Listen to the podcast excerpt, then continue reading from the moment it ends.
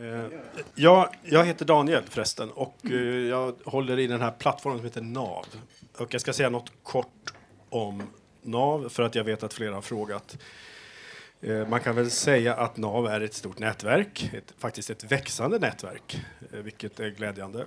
Och NAV är också ett antal coworking spaces eller mötesplatser där man kan sitta och jobba. Och tanken med, med de platserna det är också att vi försöker blanda aktörer. Så konstnärer och myndigheter och forskare och pedagoger och startups och entreprenörer och så. Och när vi gör det och när vi lyckas med det, vilket vi gör nu och då, det beror lite grann på platsernas utformning, så händer det väldigt mycket nya spännande saker. Eh, vi märker så tydligt, och det sker också i de här sammanhangen när vi bjuder in människor kring gemensamma frågor och det kommer väldigt många olika människor, att vi har ett väldigt uppdelat samhälle och vi har väldigt starka identifieringar med våra rollspel på arbetsmarknaden och i samhället. Och när vi då tränar på det här gemensamma så blir det väldigt spännande saker som händer. Och det här finns väldigt många berättelser om som jag skulle kunna stå och tala länge om. Eh, men det får ni nog utforska själva.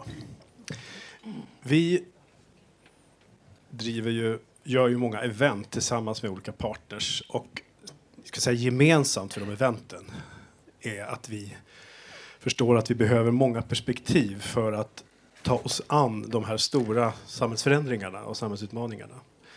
Så det är väl egentligen det som är NAVs kärna, att vi har ett, ett i navets mitt finns våra frågor och inte målgrupper eller tjänster eller insatser eller, eller så, utan här finns det en plats för våra gemensamma frågor. Så det är det vi försöker mm. hålla då på ett på ett så fritt sätt som möjligt men ändå med en intention att försöka förstå den här världen lite bättre. Så därav också att vi försöker löpa lite fritt mellan det här rollspelet och det professionella och kompetensutveckling och så och det här personliga, privata, existensen. Och det är därför det är spännande med den här typen av föreläsare som står här bredvid mig som just fångar den här spänningen. Och snart kommer ju också i, efter paus kommer mannen som sitter här vid bordet, Per Johansson, som också är hemma i de här gränslanden att samtala. Och det är så kvällen kommer att förlöpa. Vi kommer att ha en föreläsning. Jag ska stänga av min telefon. Förmodligen är det någon som inte hittar hit. Eh, vi kommer ha en ja, föreläsning, mm. more or less med powerpoints. Eh, och eh, ja, det är exotiskt idag. Eh, så eh, det kommer att sköta, då får, då får Mikael egen tid så att säga. Vill ni avbryta får ni göra det på, på dina villkor. Mm. Eh, sen tar vi en paus eh, på 20 minuter ungefär och efter det så blir det en, också en lite mer avdelad tid där inte ni får så mycket spelutrymme och då är det Per som samtalar med dig om boken och annat. Eh, sen på slutet så ska vi absolut ge utrymme för och det brukar vi göra väldigt mycket, men ikväll blir det lite mindre av det. Vi får se hur länge vi håller på och hur länge vi orkar, men det brukar, det brukar ge sig. Ganska självklart. Några praktiska saker ska jag säga. Du har med dig en bok som du inte riktigt har koll på själv, verkar det som. Det, det har kommit en låda med Jag har skrivit den, men jag, jag, jag vet inte priset. Men över 200 kronor, ja. kronor tror jag att den kostar. Det, mm. Om ni är riktigt snälla kanske den också kan signeras av dig ja, i paus. Ja. Ja. Mm. Och då har vi sagt att man, man vi, vi, tar swishnumret, men då måste ni märka. Vad, Johanna, vad sa du? Vad, vad står det? Bok, bok skriver man. Så det inte blandas med soppa och sånt, så att vi kan leverera den. Eh, vi har ett, ett event, eh, en eventsida som heter Konfetti där många har anmält sig och då betalar man med kort eller swish. Om man betalar med swish man får en biljett, men man kanske ändå inte har betalat. Så det, ofta är det så där att ja, hälften har swishat och hälften har inte swishat och de flesta tror att de har swishat. Men vi kommer inte att lägga oss i det utan vi bara ber er ha koll på det. Så att har ni inte swishat så kan du kolla i er swishlista där. Ja just det, vi hade glömt det. Och så. så får vi in våra små pengar. Eh, det är alltid välkommet. Eh, Kerstin, du som är navare, är det någonting jag borde säga mer om nav och det här? Nej. Det är en bra sak. Alltså ett, ett väldigt bra sätt att stödja den här verksamheten, det är ju en ideell verksamhet, en förening som heter NAV Scen. Det är ju att eh, dels komma hit som ni gör, eh, det är det viktigaste. Men sen kan man också vara årsmedlem som kostar 395 kronor. Det hittar man på vår hemsida, navsweden.se. Och då får man förstås bättre priser på allt och man kan också hyra lokaler här billigare. Och man har också, eh, ja, det är en rad fördelar förstås. Och det viktigaste är att vi får ha en grundplattform för att kunna fortsätta göra den här typen av samtal. Så tack på förhand för det. Uh, ja, Mikael och Per är ju välkända så att ni får helt enkelt säga någonting om er själva tror jag.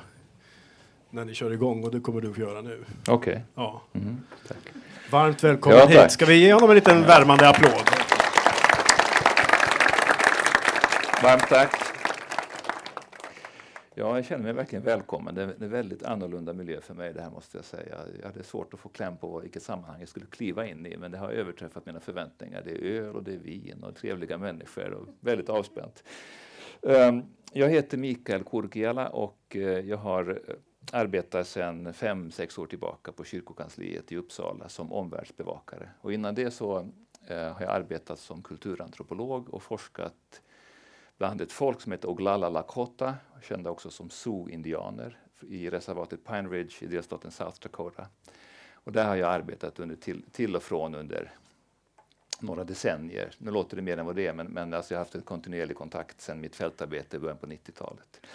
Och sen har jag skrivit en hel del om hedersrelaterat våld efter mordet på Fadime Shahindal. Så det har varit mina två huvudsakliga forskningsfält. Och sen har jag alltid haft ett starkt intresse för de existentiella frågorna. Och det som drev mig till antropologin, det var egentligen en, en djupliggande ska säga, civilisationskritik. En känsla av att inte riktigt hitta sin plats i det moderna samhället. En slags modernitetskritik. Mycket av det här tog sig också en rad romantiska uttryck, men den fanns liksom där i botten och den finns fortfarande kvar. Och I någon mening så är också den här boken ett uttryck för det. Um, för mina spaningar i samtidens inre landskap. Och jag ska inte gå in så mycket på detaljerna kring bokens tillkomst, men eh, jag ville skriva en bok som skulle på något sätt eh, tilltala den unga man som jag en gång själv var när jag var några och 20 år och sökte efter en andlig tillhörighet men upplevde att kyrkan var alldeles för patriarkal, Eh, att andra religioner var, låg för långt borta, liksom en slags sökande efter ett existentiellt språk. Och den här boken är i någon bemärkelse både en beskrivning av den processen men också ett uttryck för den. Det är ingen självbiografi men jag finns liksom med mellan raderna. Några utgångspunkter för den här boken det är en människosyn som jag har som inte alls är speciellt eh, märklig eller besynnerlig. Och det är att människan är en ganska konstig varelse, en ganska besynnerlig varelse på den här planeten. Vi är genetiskt sett relativt oprogrammerade i jämförelse med andra arter. Och det innebär att vi inte vet vad vi ska göra. Bävrar vet hur man bygger sina dammar. Skator vet hur man bygger sina bon. Och därför ser skatbon likadana ut i Kanada som i Finland. Det, är en väldigt, det finns en viss variation, alltså en viss kultur även bland dessa arter. Men den kulturella variationen är väldigt liten. Men människan vet inte. Ska vi bygga våra hus så eller så? Vem ska få para sig med vem? Vem ska ha makten i samhället? Vem ska få ärva vem? Allt det här är för människan ett slags oskrivet blad. Så vi, vi föds liksom med ett vakuum, ett tomrum inom oss som vi måste fylla med någonting annat, där generna inte längre hjälper oss. Och detta tomrum fyller vi med, med det som vi kallar för kultur. Kulturen blir, blir liksom det program som vi själva skapar, som vi sen efterlever.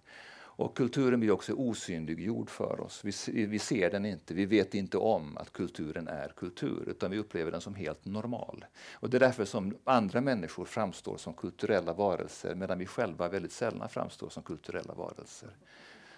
Papuaner i Nya Guineas högländer framstår som oerhört exotiska och spännande med massor med ganska bisarra föreställningar om hur den här världen fungerar. Men det är väldigt sällan vi ser oss själva i det skenet som de bisarra och exotiska varelser också vi är. Um, Människan är också i kraft av sin allmänna besynnerlighet så är vi också en art som har kunnat anpassa oss till alla tänkbara olika ekologiska zoner. De flesta arter är ganska bundna vid sin, vid sin plats i ekosystemet. De klarar sig i en viss typ av områden. Sen finns det vissa arter som frigör sig från ekosystemets eh, bestämningar och, fri, och, och, kan till exempel med teknologins hjälp befinna sig lite grann överallt. De arter som jag tror har störst spridning på planeten det är människor, kackerlackor och råttor. Så vi är, vi är gott sällskap bland de mest anpassningsbara arterna. Ehm, vi är inte den enda art som kan bygga samhällen. Det gör till exempel termiter, och myror och bin också. Avancerade samhällen med en med social stratifikation, arbetsfördelning, sociala och politiska hierarkier och annat. Men människan är nog den enda art som behöver mening för att stå ut med att leva i det samhälle hon har skapat åt sig själv. Och därför så är mening och meningsskapande en artspecifik egenskap hos oss. Det är det som gör att människan är en kulturvarelse. Inte att vi bygger hus eller målar tavlor, utan just det faktum att vi hela tiden söker mönster och mening. Ehm, det som, alltså vi, vi, är medvetna om vårt eget utanförskap i någon bemärkelse. Och vi är det genom att vi är självreflekterande varelser. Och när den här självreflektionen bröt in i vår tillvaro, det vet vi inte exakt historiskt sett. När materian helt enkelt förtätas i en form som tänker jag finns. Det är ett ganska hisnande ögonblick i, i, i skapelsens historia. När materien uppstår i en form där vi blir medveten om sin egen existens. Och historiskt sett så vet vi inte när det här har inträffat. Men däremot så vet vi att religiösa myter från hela världen, i alla traditioner som jag känner till, spinner kring detta tema. Kring människans, när människan blir medveten om sig själv. Och hon, Eva, tog av frukten och åt. Hon gav också till sin man som var med henne och han åt. Då öppnades deras ögon och de såg att de var nakna. Och de fäste ihop fikonlöv och band dem kring höfterna. I det här ögonblicket så blir människan självmedveten. Adam och Eva ser sig själva som nakna, de ser sig själva utifrån. Kroppen är inte längre bara en plats där erfarenheten äger rum, utan kroppen är ett objekt för människans erfarenhet. Och det här är ett, ett viktigt moment i skapelsens historia. Men det är också ett moment som var och en av oss känner igen från vår egen historia. Från det att vi kliver ut ur den Edens lustgård som är livmodern och kliver ut i en värld där vi så småningom tvingas lära oss att separera saker och ting ifrån varandra. Mig ifrån dig och vi ifrån dem. Det är klart att med, med tanke på att vi är både utrustade med väldigt hög intelligens och en självreflektion och samtidigt är så pass vilsna på den här planeten så är det inte besynnerligt att det här har gett upphov till en rad olika typer av filosofiska och religiösa system. Människans predikament, människans utsatthet. Ehm, det finns även svar då som man i någon bemärkelse kunde kalla för sekulära svar på människans tillstånd. Jag tycker att den där distinktionen mellan sekulärt och religiöst är synnerligen problematisk. Men en kulturantropolog som Roy Rappaport som gick bort för en 10-15 år sedan, han skriver i en av sina böcker att människan är inte bara en art bland andra. Hon är det enda sätt genom vilket världen kan tänka på sig själv. Så att i människan och genom människan så blir skapelsen självmedveten. Det är människans uppgift att synliggöra skapelsen för sig själv, men skapelsens skönhet, skapelsens kvaliteter. Det här är inte påstående som vi behöver skriva under på, men det är ett, en, jag skulle säga som en, en slags religiös utsaga av en sekulär tänkare. En annan grundläggande intuition eller tanke i alla religiösa traditioner som jag känner till, det är att människan är på väg, att människan är ett slags verb, befinner sig i ett människoblivande. Eh, den, den gamle eh, sociologen och moralfilosofen Zygmunt Bauman, som säkert många av er har kommit i kontakt med, han skriver i Postmodern etik att människonaturen har ännu ingenstans uppfyllts på ett riktigt sätt. Den existerar för närvarande enbart in potentia, en ännu inte född möjlighet. Människan är ett löfte som väntar på att infrias. Den här tanken finns också väldigt starkt i den kristna traditionen där man talar om att människan är skapad till Guds avbild att människan är havande med helig ande och precis som Maria så ska vi föda ur oss själva Kristus. Den sanna människan som vilar liksom inom oss som en potential, en möjlighet som väntar på att realiseras. Det skulle vara en kristen mystiktolkning av vad det handlar om. De G-talande folken i Amazonas menar att människans färg är den röda färgen. När små barn föds så är de ljushylta och eh, när de blir äldre så genomgår de initiationsriter, de får ett namn, de får ett andra namn. Flickorna får så småningom menstruation, pojkarna fäller sitt första villebråd och så vidare. Man genomgår olika initiationsriter och blir mer och mer människa, mer och mer röd. Så man blir mer och mer rödmålad. Väldigt, väldigt få blir människor. De flesta människorna dör lite halvfläckiga. Lite målade här och lite målade där. Man befinner sig på en process av människoblivande. Och det är inte så att den fullbordade människan har ett högre värde än den icke fullbordade. Men vi befinner oss på en väg, i en rörelse, i en speciell riktning. Och jag tror att en del av detta uh, har försvunnit hos oss. Alltså vi, vi, tänker, vi har en väldigt biologisk syn på människan. Vi tänker oss att när man är 18 år då är man mogen nog att rösta. När man är 20 så är man mogen nog att gå på Systembolaget. Vi har inte någon människoutbildning. Vi är en av de få kulturer som inte har en utbildning för hur man blir människa.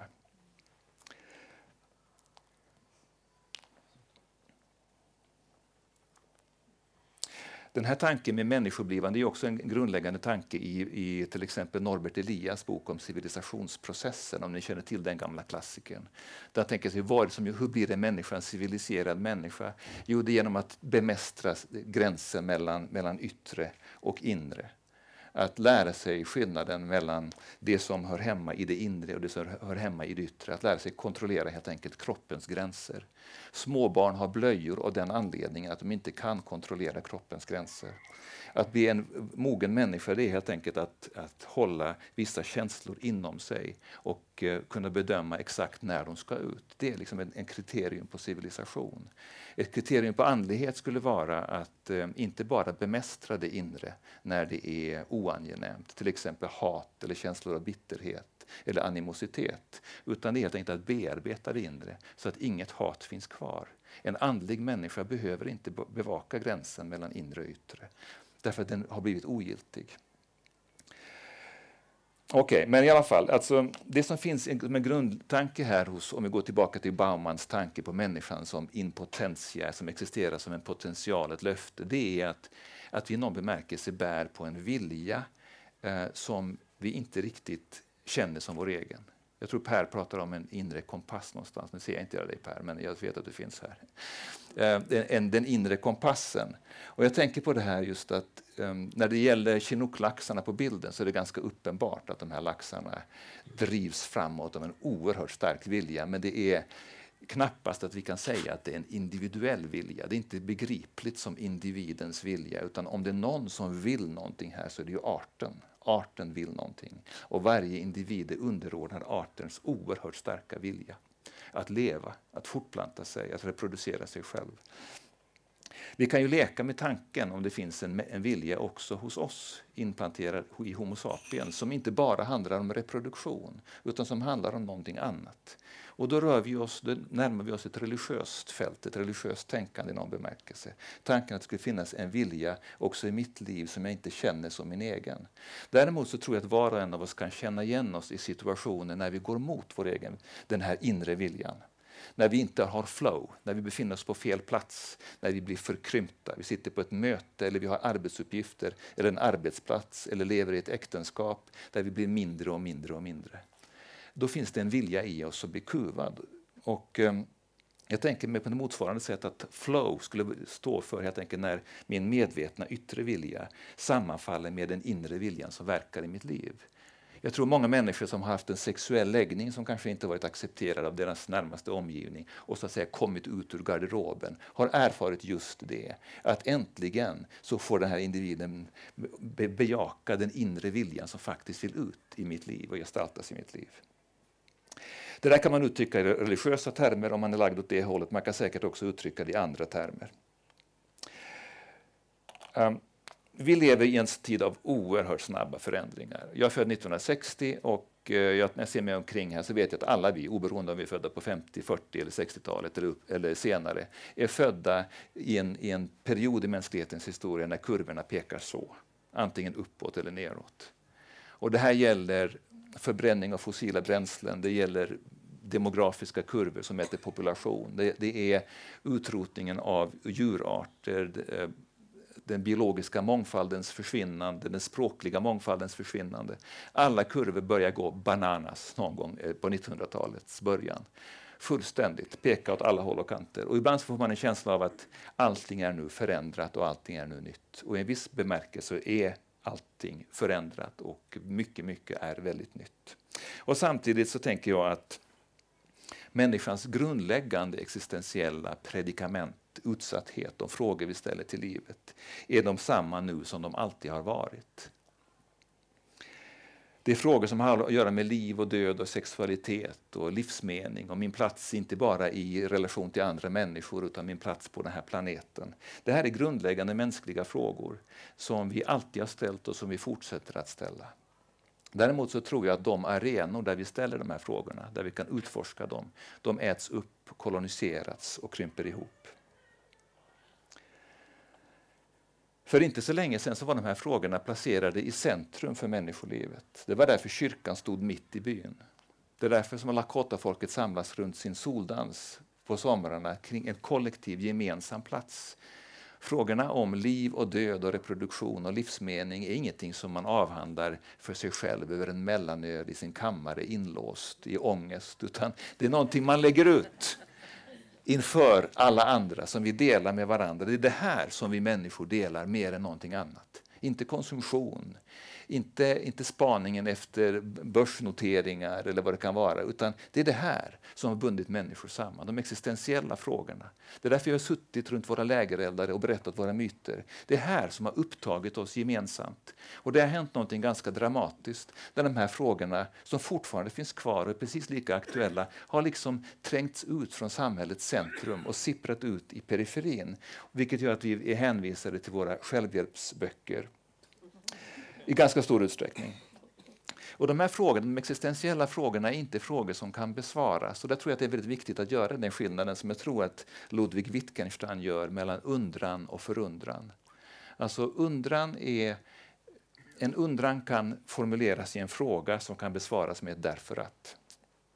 Hur kommer det sig, eller, hur kommer det sig att stenen faller neråt istället för uppåt? Ja, ja, därför att vi har en gravitation. Eh, hur kommer det sig att det är kallare på vintern än på sommaren? Jo, därför att. Det finns en, en, rad frågor som riktar sig till människans undran och som formuleras som frågor. Och människans undran tas bäst om hand av naturvetenskapen. Den är fullständigt överlägsen på att besvara människors undran. Men människors förundran, det är frågor som inte har något svar, frågor som aldrig kan besvaras. Till exempel den fråga man kan läsa ibland i en dödsannons, där någon har skrivit varför. Det korrekta svaret på den frågan är inte cancer eller bilolycka. Därför att det är inte en fråga som riktar sig till människans hjärta, det inte formuleras inte av människans intellekt. Och det söker inte ett därför att-svar, utan det är ett rop. Det är människans rop till världen, det är människans förundran förtvivlan inför världen. Um, och, uh, om man inte förstår skillnaden mellan undran och förundran så kan man heller aldrig förstå egentligen religionens plats i samtiden, skulle jag säga. Det här var en sån här händelse som jag tyckte det väckte många tankar och jag hade önskat att jag hade kunnat spinna några varv vidare i den och kanske skriva en liten text om den. Jag får se om jag hinner göra det någon gång. Men det var någonting när Notre Dame brann. Inte för att jag har någon speciell relation till Notre Dame överhuvudtaget. Det är en turistsajt bland många andra i ett gammalt Europa. Men när, när det brann i Notre Dame så var det som att för ett kort ögonblick så höll världen, åtminstone västvärlden, andan och det var lite svårt att få tag på vad man egentligen kände. Även så att säga, förnuftiga, rationella människor står och tänker att herregud, är det omistliga kulturvärden som försvinner här? Jo, det är omistliga kulturvärden som hotas. Men det var också någonting annat. Till och med Carl Bildt lät lite småreligiös i någon tweet han gick ut med. Men att man saknar ord. Hur ska vi, vad ska vi säga inför detta? Eh, och en Darje Seck, en, en fransyska, en fransk författarinna, litteraturvetare och psykoanalytiker, hon skrev i, i Dagens Nyheter, vi visste inte hur mycket vi älskade henne.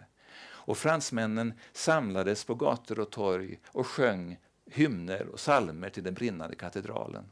Och det är det som jag egentligen är ute efter i min bok. Alltså vad händer när vi förlorar ett existentiellt språk, ett gemensamt språk för de existentiella frågorna, för vår förundran eller vår förtvivlan. Och jag tror att det som fransmännen gav uttryck för, inte alla, men de som sjöng tillsammans, det var helt enkelt att man fortfarande kunde på något sätt mobilisera gemensamma existentiella resurser för att uttrycka någonting som många av oss sekulariserade, tror jag, i ganska stor utsträckning saknar idag. Och jag tror att någonting ganska viktigt går förlorat. Så att en av, av, frågorna i min bok det är egentligen vilka existentiella resurser som understödjer människoblivandet i olika kulturer och epoker. Av olika skäl, så, som jag kommer framkomma senare, så jag tycker inte om att använda ordet resurs i det här sammanhanget, men jag hittar faktiskt inget annat. För jag tänker mig att människoblivandet är en process som i alla kulturer har, beja har bejakats och beaktats som en väldigt viktig del av att bli människa. Att mogna som människa biologiskt kräver att vi får vatten och mat och tak över huvudet och omsorg. Så då växer vi automatiskt biologiskt. Men för att växa andligt så krävs det någonting annat. Och det är den dimensionen av människans tillblivelse som jag tror har gått förlorad i ganska stor utsträckning. Lakota-folket har till exempel två olika ord för man och två olika ord för kvinna. Alla pojkar, Hokshila, som inte dör, de blir könsmogna, får kroppsbehåring och får basröst. De blir wichasha, de blir män. Därför det är en biologisk process. Det går inte att stoppa. Så att säga. Under förutsättning att vi lever vidare så blir alla pojkar wichasha. Och alla flickor, wichinchala, kommer att bli wian, kvinnor. Därför det är en biologisk process. Men sen så kan man också bli en wuchacha, en äkta man, och en winucha, en äkta kvinna. Och ändelsen cha, det betyder att slå ut. Wanacha, en blomma, en som slår ut. Från en knopp blir, alltså helt enkelt realiserar sig själv, som realiseras. Och eh, jag tror att många av oss idag blir wuchacha och wia, men ganska få blir wuchacha och winucha. Därför att vi saknar den utbildningen som krävs för det. Så är det även hos Lakota. Jag pratade med Lakota man en gång som sa att vi har we have a lot of old people but we have very few elders. The elder är alltså en, en slags social roll, en status. Ja, nu ska vi ta en snabb titt på klockan här. Jag började lite efter sex, eller hur? Ehm, mm, men eh, jag ska bara säga, alltså, omvärldsbevakning så som jag gör den, och nu, nu gör jag det väldigt summariskt här, det är helt enkelt, det handlar om att plocka ihop, koppla samman informationsfragment till någon typ av helheter och bilder. Det är det, alltså helt enkelt meningsskapande utifrån fragment. Och eh, det finns alltid ett väldigt stort mått av godtycke i detta. Precis på samma sätt som det finns ett godtycke i hur man skapar stjärnbilderna. Hur de här astrologiska stjärnbilderna skapas. Det här är, tror jag, Stora Björn. Har jag fel eller har jag rätt? Det är Stora Björn, ja. Eh, jag är själv till skorpionens stjärntecken och när jag tittar där hur man har dragit de här linjerna för att få det till en skorpion så det är det ganska, ganska, ganska innovativt och uppfinningsrikt att faktiskt se den här skorpionen. Men så jobbar vi människor. Vi vill till varje pris se någon typ av mönster. Och även min egen omvärldsbevakning och omvärldsspaning är ett uttryck för mitt eget sökande efter mönster. Och Det innebär att hade någon annan gjort en omvärldsspaning så hade den sett helt annorlunda ut. Så är det. Hans Rosling hade mycket mer positiva omvärldsspaningar än vad jag någonsin skulle kunna leverera. Och trots att vi tittar på samma fakta i stort sett, men vi kopplar ihop dem till andra typer av mönster. Så det här är min brasklapp, jag vill bara säga det. Um, nu ska ni inte få panik, det är jättemycket text, men det är bara några huvudtrender, jag bara nämner dem. Det här brukar vara en innehållsförteckning över sånt som jag brukar prata om när jag föreläser och har gott om, mycket gott om tid. Jag hinner ta upp vissa av de här sakerna, för de har betydelse för dagens ämne.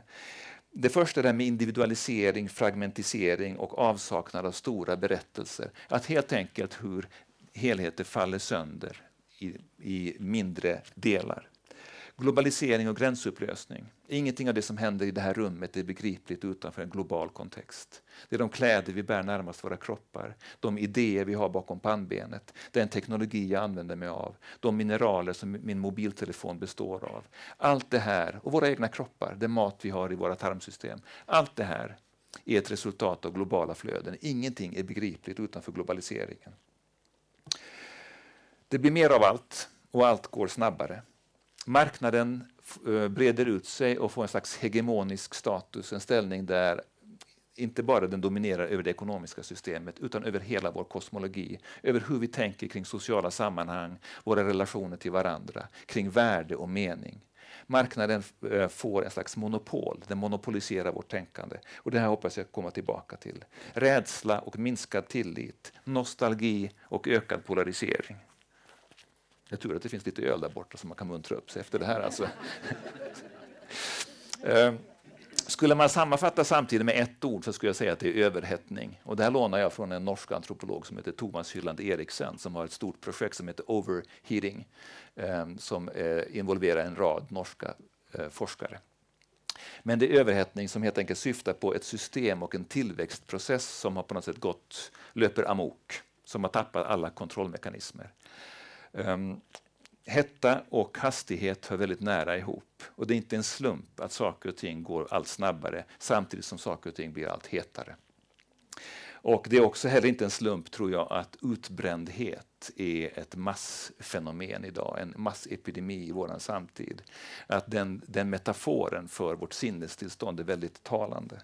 Och det är ju så att um, gnuggar vi händerna mot varandra så känner vi att det finns ett samband mellan hastighet och värme.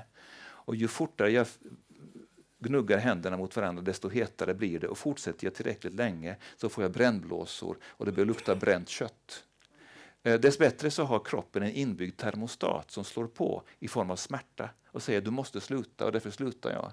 Men själen har ingen inbyggd termostat. Samhället har ingen inbyggd termostat.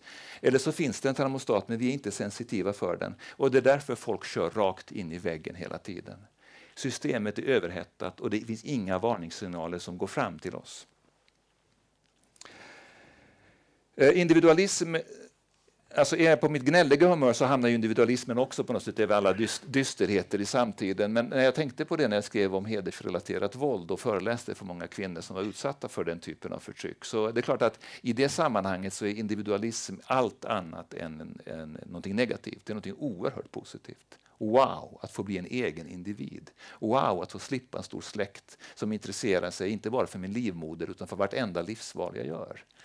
Så att individualism är inte någonting dåligt och många av, av oss som gnäller över, över individualismen är själva hyperindividualistiska.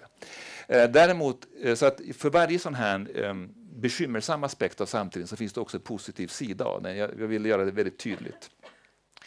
Men det är klart att om vi går tillbaka, nu väldigt grova drag, till någon slags 1600-tal, över hela världen kan man säga, så levde människor fortfarande då med föreställning om att världen var sakral. Alltså att den hölls samman, bands samman av en gudomlig intention eller vilja. Med sekulariseringen så börjar det här sakrala sammanhanget att säga, krackelera mer och mer. Gud förflyttas ut i periferin eller avvecklas helt och hållet. Och vi får istället ett sammanhang som hålls ihop av naturlagar. Det är inte längre ett meningssammanhang. Det är ett mekaniskt sammanhang, men det är inte ett meningssammanhang. Men dessbättre får vi andra stora sammanhang vi kan ingå i. På 1800-talet var det framförallt nationalismen som var den stora ideologin. Som gjorde att mitt, min korta livscykel blev meningsfull som en länk i en mycket större livscykel, nämligen nationens. Ehm, sen har vi haft andra sådana. Vi har haft folkrörelserna i Sverige, de politiska partierna, arbetarrörelsen, frikyrkorörelserna, arbetsplatserna. Man kunde säga att jag farfar arbetar i den här gruvan, det ska min sonson också göra. Eller mormor hon var med i Pingstvännerna och det ska min dotterson också vara. Alltså det var sammanhang som man kunde ingå i över tid. Men om vi ska göra en lång historia kort så kan vi i alla fall säga att alla de här sammanhangen som vi, alla sammanhang idag blir mer och mer kortlivade.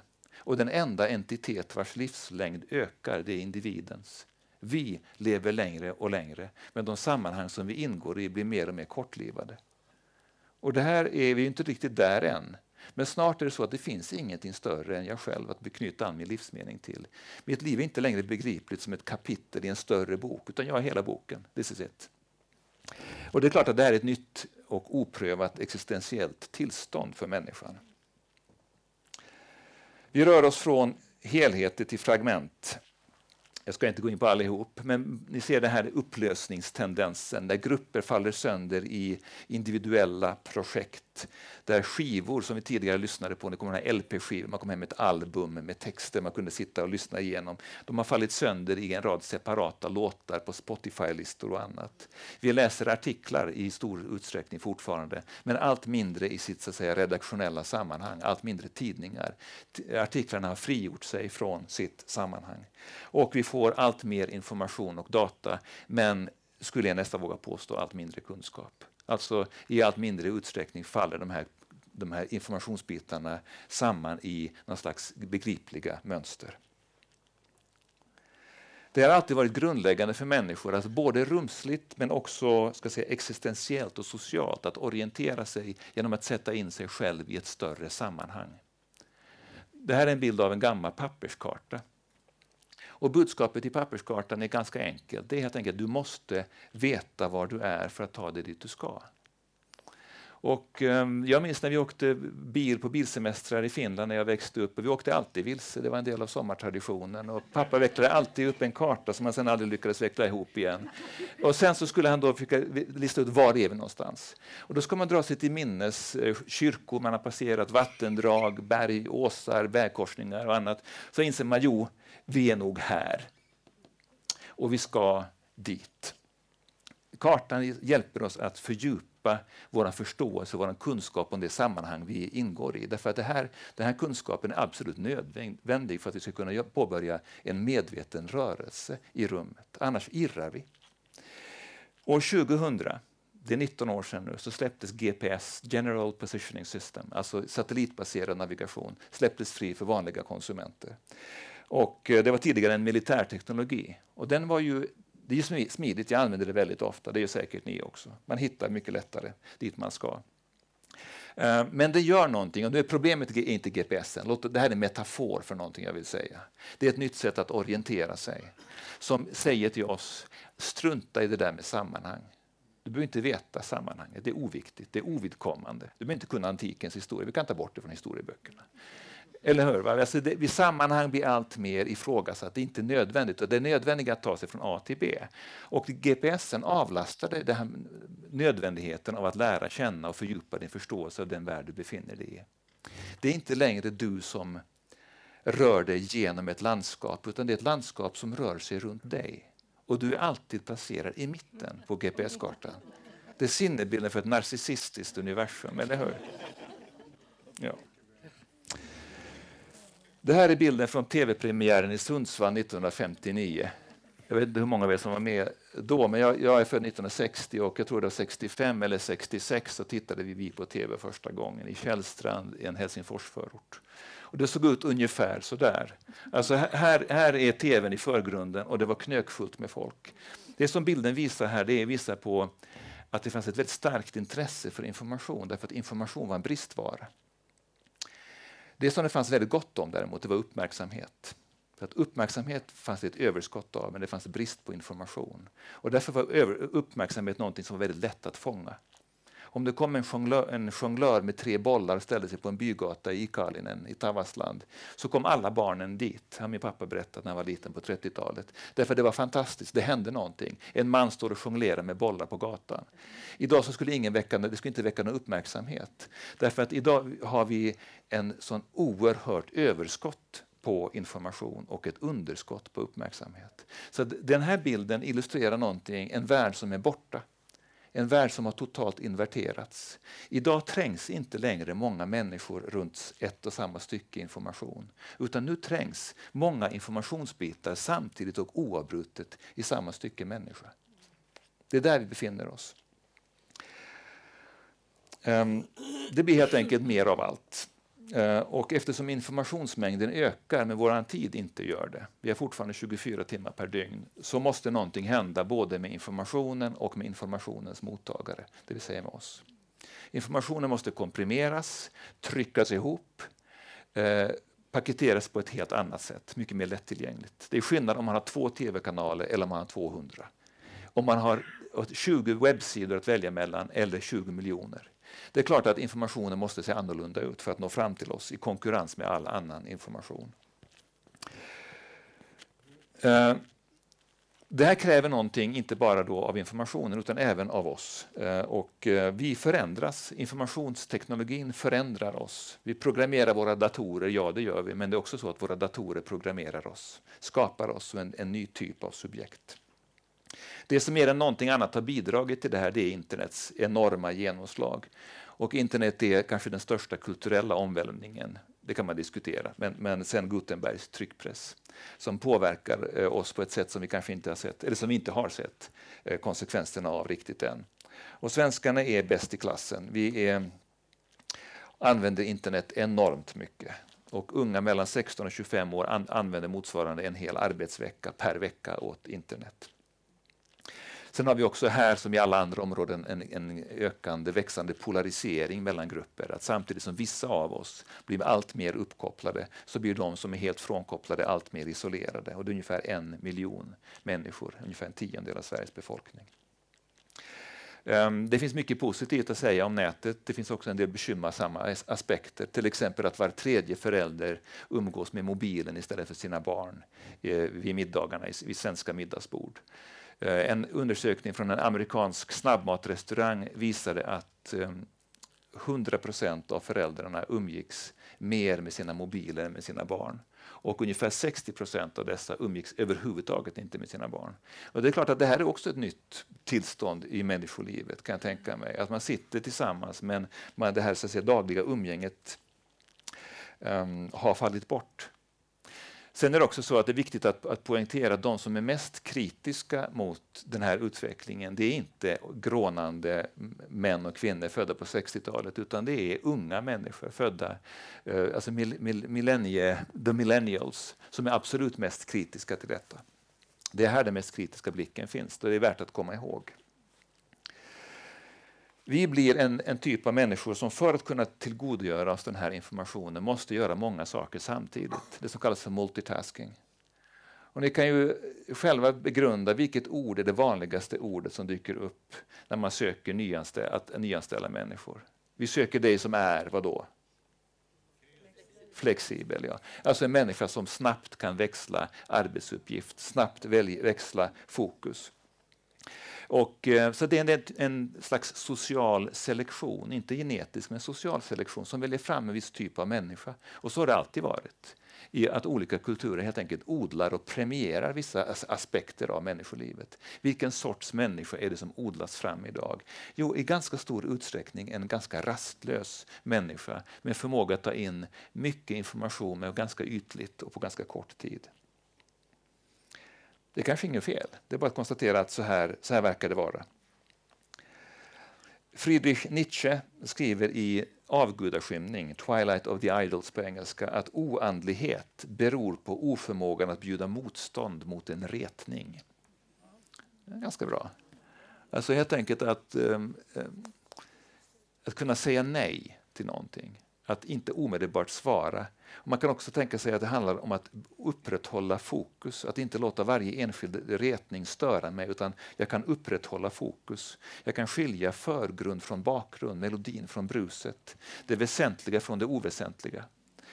Mycket i vårt infoversum, i vårt, vårt eh, informationsklimat, är ju sånt att det, det gynnar inte um, den typen av sortering. Går vi in på Aftonbladets hemsida så dyker allting upp samtidigt. Det kan vara en svältkatastrof på Afrikas horn, en flygkrasch här, eh, en skilsmässa, en kändisskilsmässa där. Allting rör sig samtidigt. Och Nietzsche antyder att det här är alltså en, en fråga om oandlighet. Och det är ganska intressant. Nietzsche har inte varit liksom bästis med Svenska kyrkan alla gånger, men jag, tycker det här, jag gillar det här citatet av honom. Vi lever i en tid där allting går snabbare, inklusive mitt eget tal, känner jag just nu. Ehm, av nödvändighet. Det är snabbare informationsflöden, snabbare fordon, snabbare mat. Kortare, eh, snabbare förhållanden och kortare tid för varje enskild syssla. Um, Och det här är, det är ju alltså uppenbart när man tittar ut så att säga, i samhället, vilket tempo det går oerhört mycket snabbare att ta sig från Stockholm till Lund idag än vad det gjorde för hundra år sedan till exempel, eller att få information eller nyheter. Eh, så att det är klart att allting går mycket, mycket snabbare och det borde också innebära, eftersom all, informations, all ny teknologi är tidsbesparande, så borde vi ha frigjort enorma mängder, mängder med tid till någonting annat. Vi borde vara de mest avspända och avstressade människor som någonsin har levat. Och det känns inte riktigt, riktigt så. Um, samtidigt så är det bra att saker och ting går snabbt, när det är bra att saker och ting går snabbt. Det är bra att vi får veta om det har inträffat en jordbävningskatastrof någonstans. Så att vi snabbt kan skicka hjälpsändningar med snabba flygplan. Eller att jag får veta om min mamma har blivit sjuk, att jag snabbt kan åka till Arlanda och sätta mig på ett flygplan och flyga till Vasa. Det finns många fördelar med snabbhet. Snabbhet är bra där snabbhet är bra. Däremot så blir det problem när den här snabbhetsideologin invaderar de delar av livet som per definition inte kan snabbas upp. Och det är vissa saker helt enkelt som följer sin egen rytm, som inte låter sig stressas. Whisky måste lagras. Det kan vara 18 år, det kan vara 22 år. Man kan sitta i 22 år och stressa upp sig och vänta på den där whiskyn. Men det är den tid det tar. Ostar måste lagras, relationer måste marineras i tid. Barn behöver massor med tid av, av sina föräldrar. Och det vi kallar för andlighet, det kan vi alltid diskutera vad vi lägger in i det, men vi har någon slags intuitiv känsla vad det handlar om, är också någonting som kräver tid. Och ska man summera våran samtid så kan man säga att Visst har ofantligt mycket blivit oerhört mycket bättre. Vi lever den dröm som våra förfäder drömde om faktiskt. Det är lite alltså missklädsamt att bara gnälla över den samtid vi lever i, det tror jag. Men däremot så är det så att det som blir lidande i vår samtid, det är just de här aspekterna som har att göra med livets kvalitet. Man kan kalla det för andlighet, man kan kalla det för humanistiska värderingar, man kan kalla det för vad det nu är. Men det är någonting där, det omätbara som Jonna Bornemark pratar om. Det är det här som blir lidande och det är här vi också blir allt mer stumma. Vi lider av en språkförbistring, vi förlorar ett språk för att tala om det. Och Det här tycker jag är bekymmersamt. Nu ska jag titta snabbt på klockan och göra en bedömning av hur jag ska förhålla mig. Nej, jag... Ja, ja. Jag, jag, jag, jag, löser det här. Det, det, är så här i alla fall att eh, vår viktigaste uppgift idag det är att konsumera. Alltså, producera kan många andra göra och robotar och algoritmer och annat börjar i allt större utsträckning konkurrera med oss vad gäller produktion av varor och tjänster och idéer och musik och vad det kan vara. Men däremot så behövs vi fortfarande som konsumenter. Och den rollen intar vi också med stor entusiasm så att säga och vi konsumerar någonting enormt. Varje år säljs 4 miljoner mobiltelefoner i Sverige och detta trots att 97 procent av befolkningen redan har en. Och vi kasserar då enorma mängder, ungefär en miljon eh, elektroniska produkter, datorer och annat, kasseras av företag och myndigheter i Sverige varje år. Och bland privatpersoner kanske dubbelt så mycket. Det är enorma mängder, alltså en enorm destruktion som det här systemet också förutsätter. Produktion, konsumtion och destruktion i ett allt, allt snabbare cirkel. Och det här känner ni mycket väl till. Ehm, ekonomin är inte bara ett sätt att fördela resurser, utan det är en livsstil. Alltså konsumtion är en livsstil. Vi vet inte vad vi ska göra annat. Alltså det är att gå till templet, till kyrkan. Varför ska man göra det för? Liksom, vad, vad, gör man där? Det är ganska långsamt, lite småtråkigt. Man kan göra någonting annat istället och vi åker istället till Ikea eller andra typer av, av samtida tempel.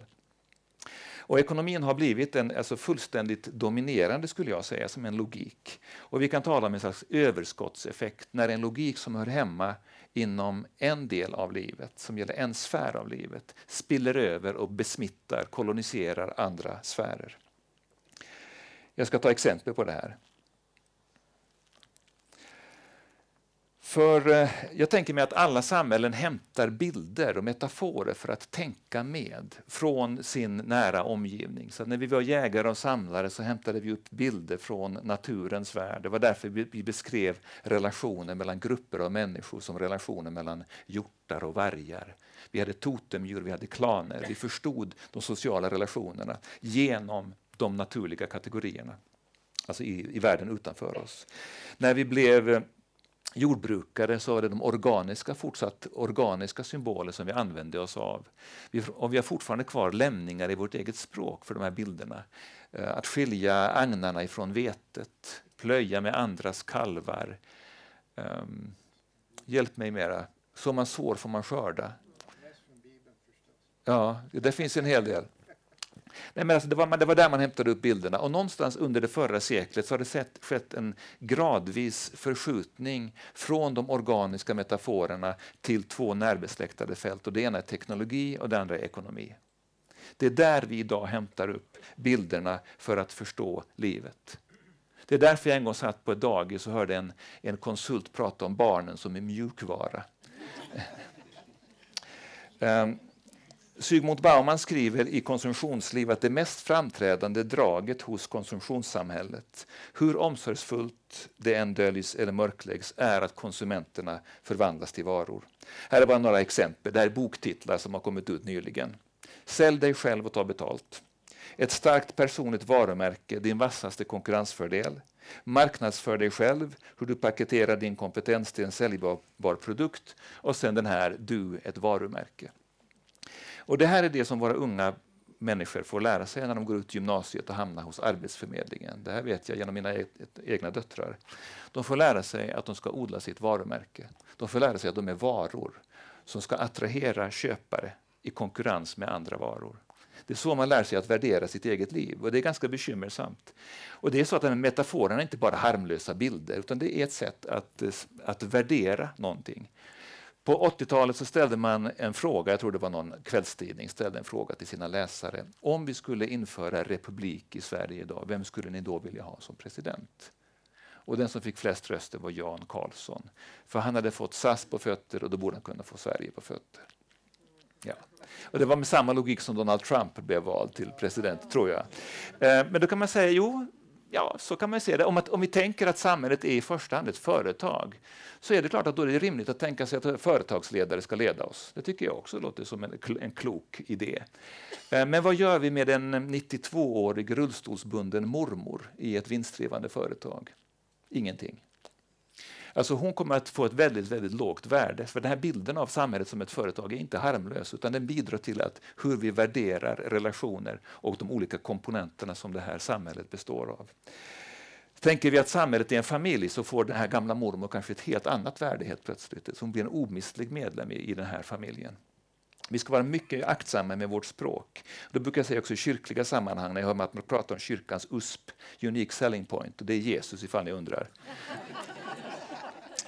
Ehm, ja, vi ska alldeles strax avrunda. Ehm, nu har jag klagat här, gnällt över sakernas tillstånd i nästan en timme.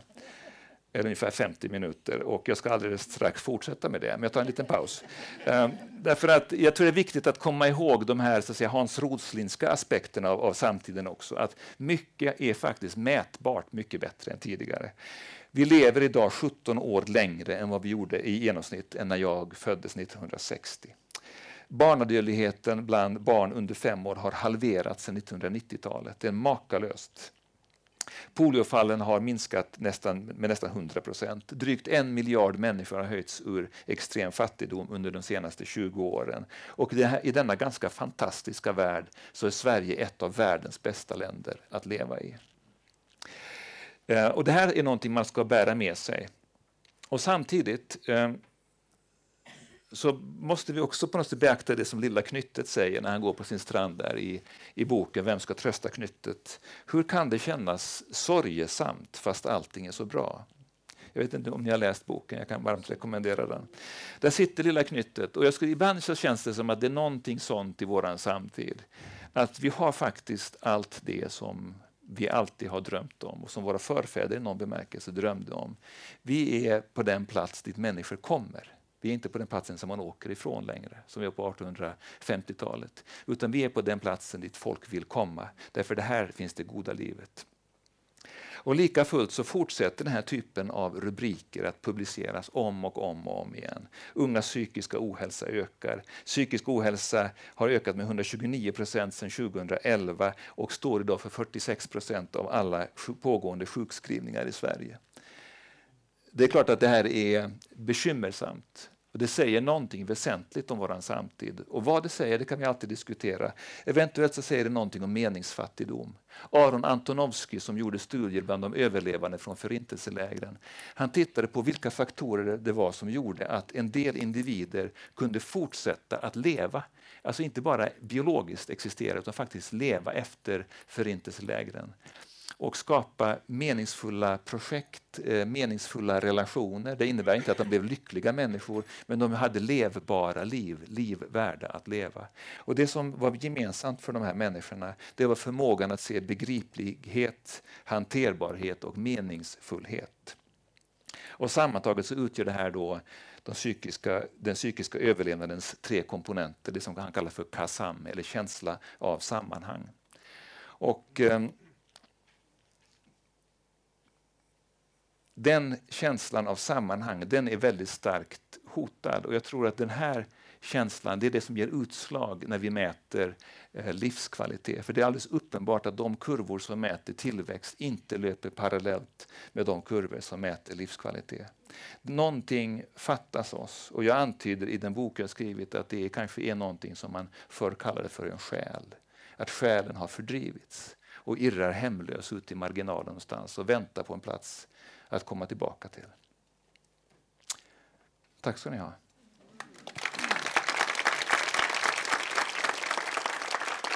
Mm.